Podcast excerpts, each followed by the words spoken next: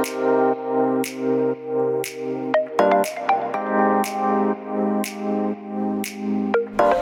hallo, wat leuk dat je luistert naar de Good Vibes podcast met Daphne Breedveld. Ben jij geïnteresseerd in persoonlijke ontwikkeling, de wet van aantrekking en ondernemen? Dan is dit de podcast voor jou. Ik neem je heel graag mee op mijn ontdekkingsreis naar absolute vrijheid. Omdat ik er 100% in geloof dat je alles kunt creëren wat jij maar wilt. Jouw tofste leven en business puur door vanuit je gevoel te leven. Ik wens je heel veel inspiratie en luisterplezier. En stay tuned voor zo'n good vibes. Hey hoi, leuk dat je weer luistert naar een nieuwe aflevering van de Good Vibes podcast met mij, Daphne. En vandaag ga ik het met je hebben over wat je kunt doen als iemand in jouw omgeving, dat kan je kind zijn of je partner of misschien wel een collega of um, je beste vriendin of nou, maar kan, kan van alles zijn, kan uh, je ouders, kan iedereen zijn. Wat kun je nou doen als je als een van die mensen, iemand in jouw nabije omgeving, als die zich rot voelt. Of als die echt down and out is en, en gewoon even er doorheen zit. Naast dat je natuurlijk gewoon als mens daar. Uh, ja, je, iemand steunt en uh, er voor iemand bent, is het natuurlijk ook wel handig dat je je voor jezelf, dat je je niet laat meeslepen in de emotie. En wat bedoel ik daarmee? Dat je niet meegaat in die negatieve vibe. Want dat is gewoon killing, zowel voor jou, maar ook voor de ander. En hoe komt dat nou? Dat dat niet de beste remedie is. Um, wat ik al zei, het is natuurlijk fantastisch als jij iemand uh, kunt ondersteunen of, of iemand kunt bijstaan of er iemand voor, iemand kunt zijn. En dat kan zijn doordat je gewoon even lekker een luisterend oor biedt. Of dat je gewoon uh, er voor iemand bent, praktisch. Dus eh, weet ik veel, een maaltijd maakt of wat dan ook. Maar um, um, het is heel verleidelijk om mee te gaan in de vibe. En um, dat komt eigenlijk omdat uh, negatieve uh, wij eigenlijk zo geprogrammeerd zijn dat wij toch sneller gericht zijn op wat er niet goed is, dus op dat negatieve. En dat betekent dus ook dat als je kijkt naar als iemand in jouw nabije omgeving zich rot voelt, dan ben je ook sneller geneigd dat, dat je daar de aandacht op legt, dus de focus op legt. Nou. Dat is niet goed, voor niemand niet. Uh, dat is voor jou niet goed, uh, want daarmee ga je zeg maar met je energie omlaag. Dat is voor de ander niet goed, want je gaat op, op het energieniveau van de ander zitten die al in een lage energie zit. En uh, dat betekent dus ook dat jij um, eigenlijk het in stand houdt door mee te gaan daarin. Als, jij da, da, als de ander zich dus kloten voelt of rot voelt, sorry voor de woorden, dat jij, dat jij daarin meegaat. Nou, wat kun je nou, wat kun je dan wel doen? Nou, het allerbelangrijkste is eigenlijk dat jij gewoon zorgt dat jij je goed blijft voelen.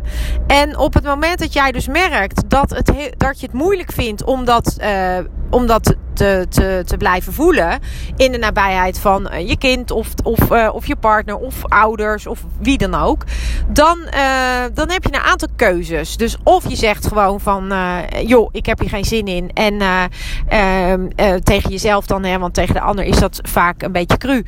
Um, maar dat kan je natuurlijk ook gewoon tegen de ander zeggen van joh, we, uh, ik, wil, ik wil me hier niet in mee laten trekken, dus ik ga even wat anders doen. Dus kies voor jezelf.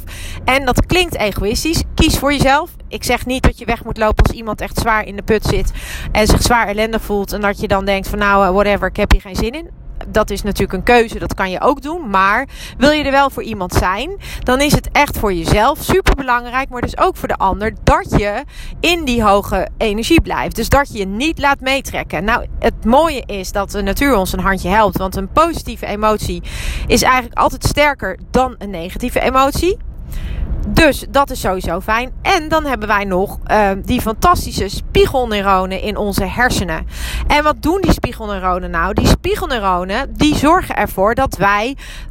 Uh, door de trilling die wij uitzenden met, met een bepaalde emotie, kunnen wij de ander beïnvloeden. En omdat een positieve emotie altijd um, een negatieve emotie overwint, zullen we maar zeggen, of overheerst, of hoe je dat ook noemen wil, is het natuurlijk fantastisch als je iemand door jouw positieve emoties of door jouw positief voelen zijn, door, gewoon door positief te zijn als persoon, want dan zit jij op die vibratie, dan kun jij daarmee de ander dus beïnvloeden En dat doe je niet bewust op die manier. Maar dat gebeurt wel onbewust door dus de spiegelneuronen. En dat is natuurlijk fantastisch.